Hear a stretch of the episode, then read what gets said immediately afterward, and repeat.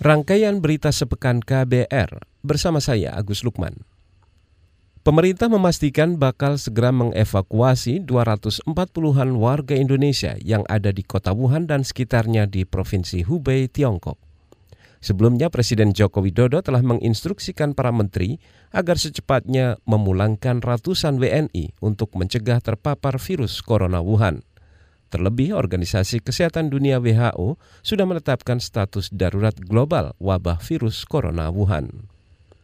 Juru bicara kantor kepresidenan Fajrul Rahman mengklaim pemerintah sudah menyiapkan skema pemulangan WNI dari Provinsi Hubei, tapi ia enggan memastikan kapan evakuasi akan dilaksanakan. Menurutnya ada sejumlah opsi yang harus dirapatkan lebih dulu sebelum diputuskan, misalnya mekanisme penjemputan apakah menggunakan pesawat TNI atau komersial. Persiapannya dilakukan mulai setelah ratas tadi malam. Tapi sejak merebaknya kasus tersebut, pihak KBRI, Menlu, Direktur Perlindungan selalu berkoordinasi dengan setiap warga negara Indonesia yang ada di Provinsi Hubei. Terutama mereka yang berada di kota Wuhan yang memang di lockdown. Nah ini yang tadi pagi saya juga sudah berbicara dengan Pak Panglima TNI mengatakan siap tetapi belum ada keputusan apakah akan memakai pesawat TNI atau pesawat sipil. Nah, itu yang akan diputuskan segera dalam rapat-rapat. Juru bicara Istana Kepresidenan Fajrul Rahman menambahkan, ratusan WNI tersebut bakal dikarantina setibanya di tanah air. Ia mengklaim Kementerian Kesehatan telah mematangkan sejumlah opsi teknis karantina. Hingga kini kota Wuhan dan sekitarnya masih diisolasi. Virus corona Wuhan atau corona novel telah membunuh lebih dari 200 jiwa di Tiongkok dan menginfeksi sekitar 10.000 orang di dunia. Komisi Nasional Hak Asasi Manusia meminta pemerintah melindungi identitas warga Indonesia yang akan dievakuasi dari Tiongkok. Anggota Komnas HAM Khairul Anam mengatakan perlindungan identitas itu untuk mencegah munculnya stempel negatif dari masyarakat bahwa warga itu sebagai pembawa virus corona Wuhan. Pemerintah juga harus mengedukasi masyarakat agar tidak berlaku diskriminatif. Memastikan orang-orang yang diduga sebagai pembawa virus macam-macam harus juga dilindungi. Nah, salah satu bentuk pelindungannya adalah memang identitasnya bisa di-close. Meng-close identitasnya satu-satunya tujuannya adalah memastikan bahwa public healthy tercapai. Nggak boleh ada soal-soal yang lain. Itu bisa untuk ngurangin stigma dan sebagainya. Kalau itu tidak dilakukan, nah, pemerintah salah. Itu tadi anggota Komnas HAM Khairul Anam. Desakan serupa juga diutarakan Direktur Eksekutif LSM Migrant Care Wahyu Susilo. Wahyu menyerukan agar tidak ada stigma negatif terhadap WNI, terutama pekerja migran dari Tiongkok sebagai pembawa virus corona Wuhan. Wahyu juga meminta pemerintah menjamin hak-hak pekerja migran terpenuhi sebelum dievakuasi. Menteri Hukum dan Hak Asasi Manusia Yasona Lauli menyatakan siap mundur sebagai menteri jika terbukti Direktur Jenderal Imigrasi Roni F. Sompi tidak bersalah. Roni dicopot dari jabatannya lantaran diduga melakukan kesalahan terkait keberadaan tersangka kasus suap pergantian antar waktu calon anggota legislatif PD Perjuangan Harun Masiku. Kalau nggak salah saya yang mundur dari menteri. Siap. Udah, cukup ya. Karena saya yakin salah. Pemecatan Roni F. Sompi sebagai Dirjen Imigrasi bermula saat Menteri Hukum dan HAM Yasona Lauli mengatakan kepada publik bahwa tersangka Harun Masiku tidak berada di Indonesia, melainkan di luar negeri saat operasi tangkap tangan KPK. Namun enam hari kemudian, Dirjen Imigrasi Roni Sompi mengatakan kepada media bahwa Harun sudah berada di Indonesia sehari sebelum operasi tangkap tangan. Akibatnya Yasona dianggap berbohong dan dituding merintangi penyidikan KPK. Menteri Badan Usaha Milik Negara Erick Thohir menyatakan pembayaran uang nasabah PT Asuransi Jiwasraya akan dilakukan pada Maret mendatang. Erick menyebut keputusan itu disepakati melalui rapat internal Kementerian BUMN dan akan segera dijalankan setelah mendapat persetujuan dari DPR. Kita berupaya, kita akan berupaya menyelesaikan uh, mulainya pembayaran awal di bulan insya Allah uh, Maret akhir. Tetapi kalau memang bisa lebih cepat ya kita coba lakukan. Tapi pada hari ini konteks pembicaraan yang kita sudah rapatkan dari internal mungkin Maret akhir sudah mulai ada pembayaran kalau nanti konsep yang kita paparkan secara tertutup itu bisa disetujui. Menteri BUMN Erick Thohir menyebut saat ini Jiwasraya memiliki kewajiban pembayaran klaim pada pemegang polis sebesar 16 triliun rupiah. Sementara itu, para nasabah Jiwasraya mendesak pemerintah membuat pernyataan tertulis tentang pengembalian dana. Anggota Forum Komunikasi Nasabah Jiwasraya, Hares Nanwani mengatakan, pernyataan tertulis itu bisa jadi bukti pemerintah serius dengan janjinya. Haris pesimistis pemerintah akan membayar jika tidak ada bukti tertulis. Ia juga ragu pemerintah bakal sukses mengembalikan dana melalui holding anak perusahaan serta melibatkan investor. Hakim Pengadilan Negeri Jakarta Pusat memfonis Lutfi Alfiandi dengan hukuman penjara 4 bulan. Lutfi Afandi dinyatakan bersalah melakukan tindak pidana kejahatan melempar batu ke aparat pada saat unjuk rasa menolak RUU bermasalah di gedung DPR pada September lalu. Meski begitu, Jaksa Penuntut Umum Andri Saputra menyebut Lutfi langsung bebas karena telah ditahan sejak Oktober 2019. Jadi uh, kita kan nuntut 4 tahun, eh 4 tahun. kita nuntut kan 4 bulan. Pasalnya sama. Jadi uh, putusan hakim sama persis dengan tuntutan kita. Artinya setelah putus 4 bulan ini berarti hari ini Lutfi keluar. Di 4 bulan potong masa tahanan, hari ini mungkin paling lambat malam Lutfi keluar. Paling lambat itu jam 12 malam kan. Itu tadi Jaksa Penuntut Umum Andri Saputra. Sementara Direktur Eksekutif Yayasan Lokataru, Haris Azhar menduga vonis terhadap Dede Lutfi Alfiandi merupakan hasil kompromi sejumlah aktor hukum. Haris kecewa dengan putusan hakim. Ia juga heran tim kuasa hukum Lutfi tidak maksimal membela kliennya. Persidangannya jelek. Jadi ada banyak prinsip-prinsip dalam peradilan yang sebenarnya nggak ditaati. Ya Lutfi kejebak antara TPU hakim sama pengacara yang yang nggak mentaati prinsip-prinsip peradilan. Si TPU memaksakan kasus. Hmm. Si hakim nggak kritis dalam jaga proses. Hmm. Pengacara juga nggak manfaatin haknya untuk membuktikan dan membela Lutfi di eksepsi, pledoi dan lain-lain.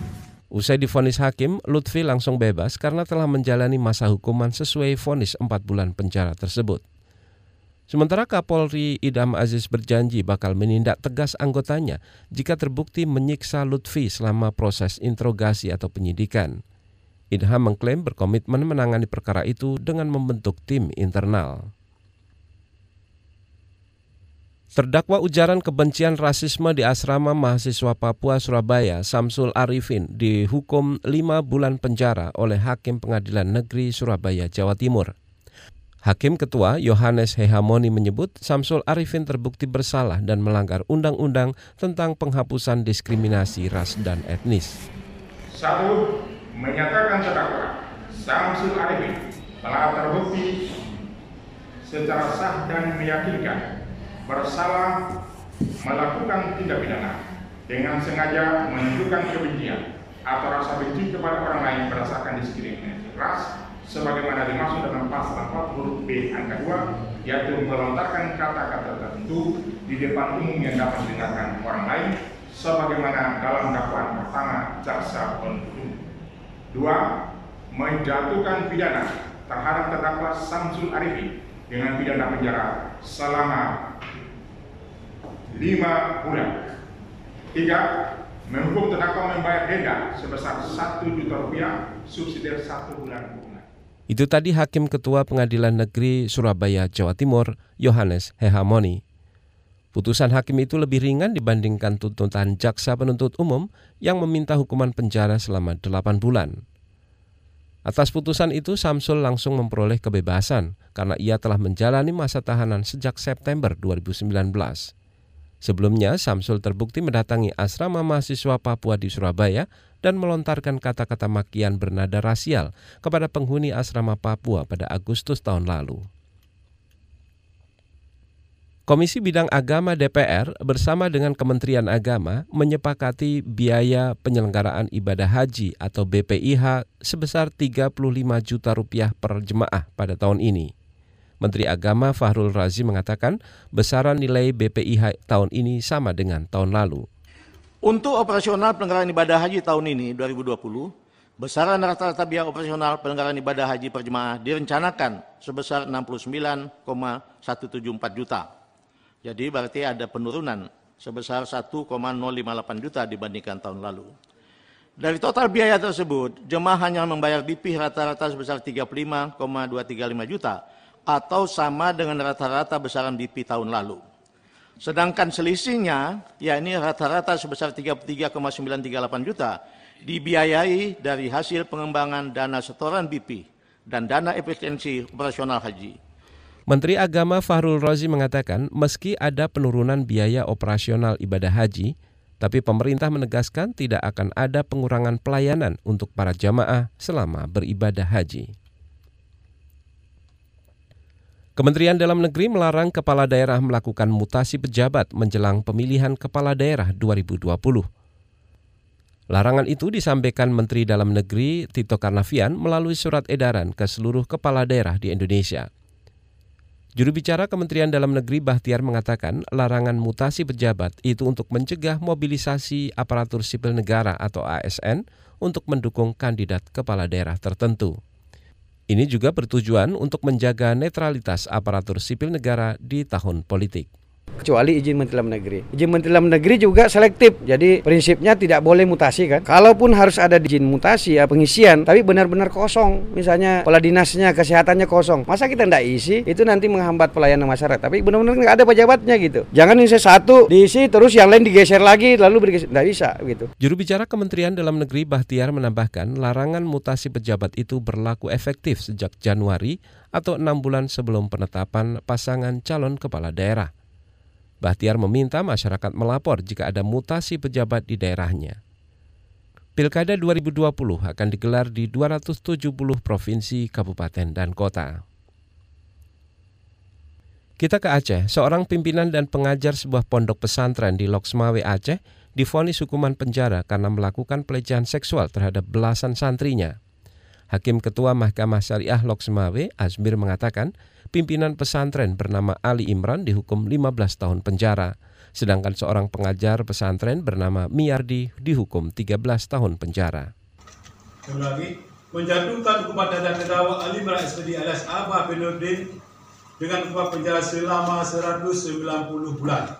Tiga, menetapkan masa penangkapan penahanan yang telah dijalani oleh terdakwa dikurangkan seluruhnya dari hukuman yang dijatuhkan. Keempat, menetapkan terdakwa tetap ditahan. Majelis Hakim juga memerintahkan Ali dan Miardi membayar restitusi berupa 30 gram emas kepada para korban. Namun hakim tidak menjatuhkan hukuman cambuk bagi dua pelaku. Hakim beralasan hukuman cambuk hanya hukuman alternatif dalam perkara pencabulan anak. Kita masuk segmen Saga KBR. Kebun kita bukan tempat bermain biasa. Di tempat bermain berbasis alam ini seluruh energi yang dipakai memanfaatkan panel surya. Sugeng Sedulur alias Pak Ogeh adalah orang di balik kebun kita. Bagaimana ia membangun taman bermain ini? Berikut kisah yang disusun jurnalis Anindya Putri. Kebun kita adalah sebuah taman bermain yang terletak di Dukuh Seruni Dusun Jarak Sari Wonosobo, Jawa Tengah. Didirikan pada 2013 silam, Taman bermain seluas 2.000 meter persegi ini punya banyak fasilitas, seperti lokasi berkebun, beternak, flying fox, jembatan tali, serta arena berkemah. Bedanya, seluruh energi di taman bermain ini menggunakan energi matahari.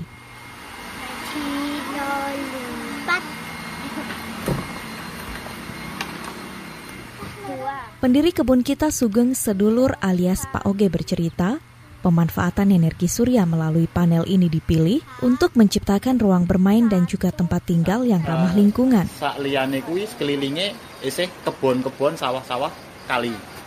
Nah, terus uh, meh mengajukan listrik ning PLN karena isih ngulur kabel, lebar isih bulanan bayar PLN dan sebagainya. Jadi diputuskan kita nganggone panel panel surya karo adik kita kehabisan tempat bermain yuk pengen bikin tempat bermain sendiri gawe kayak laboratorium bermodalkan dua lempeng pembangkit listrik tenaga surya dengan daya 100 watt kebun kita dibangun energi yang ditampung ke panel dikonversi dan disalurkan ke inverter yang mengubah menjadi aliran listrik. Energi dari matahari yang diolah inilah yang mampu menerangi kebun dan tempat tinggal Pak Oge. 13, 14, 15, 16. 16 lampu solar panel. 16 lampu pakai solar panel. Masing-masing rata-rata 9 watt sampai 20 watt. Menuju kebun kita hanya dibutuhkan waktu 15 menit dari pusat Kabupaten Wonosobo.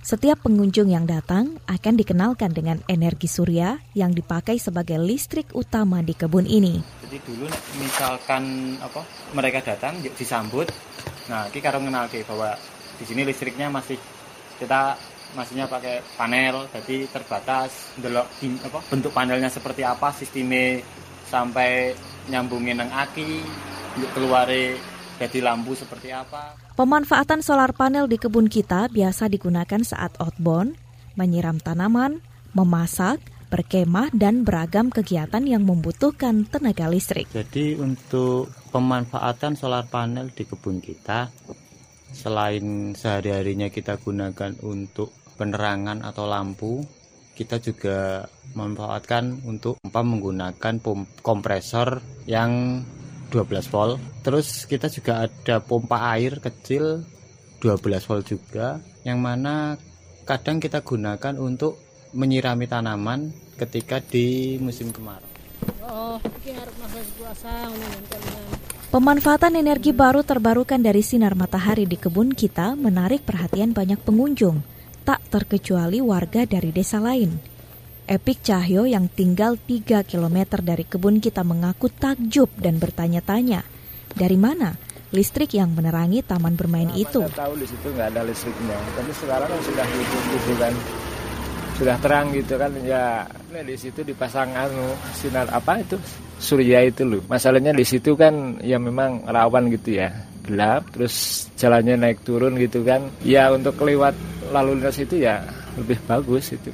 Pak Oge punya harapan pemerintah bisa ikut andil dalam pengadaan solar panel agar masyarakat tidak bergantung pada energi fosil yang memiliki dampak negatif pada lingkungan. Pemerintah kok bisa bikin subsidi panel, wis luar biasa gitu. Berarti uh, energi terbarukan selalu ada, masyarakat lebih mandiri untuk kehidupan mereka sendiri ya. Paling kan misalkan sekop panel wae masyarakat sudah bisa beli. Masyarakat kelas bawah bisa beli, bisa masang, berarti iso ngirit paling enggak untuk lampu. Pak Oge juga punya cita-cita lain, memaksimalkan kekayaan alam yang ada di sekitar kebun kita. Salah satunya sungai yang berada tepat di depan rumah. Ia ingin membangun kincir air untuk menghasilkan listrik dengan kapasitas daya yang lebih besar. Yang ngenangan punya cita-cita pengen bikin kincir juga untuk alternatif suplai listrik uh, yang lain menurut ini ngono cuma kebentur modal karo karena basicnya bukan orang listrik dan bukan orang teknik ngitung iki debit air sekian kudune kincire gedene seberapa putarannya harus berapa perbandingannya kuwi durung Demikian saga yang disusun jurnalis KBR Anindya. Saya Friska Kalia. Terima kasih sudah mendengarkan. Informasi tadi menutup rangkaian berita sepekan KBR. Saya Agus Lukman, pamit selamat berakhir pekan. Salam.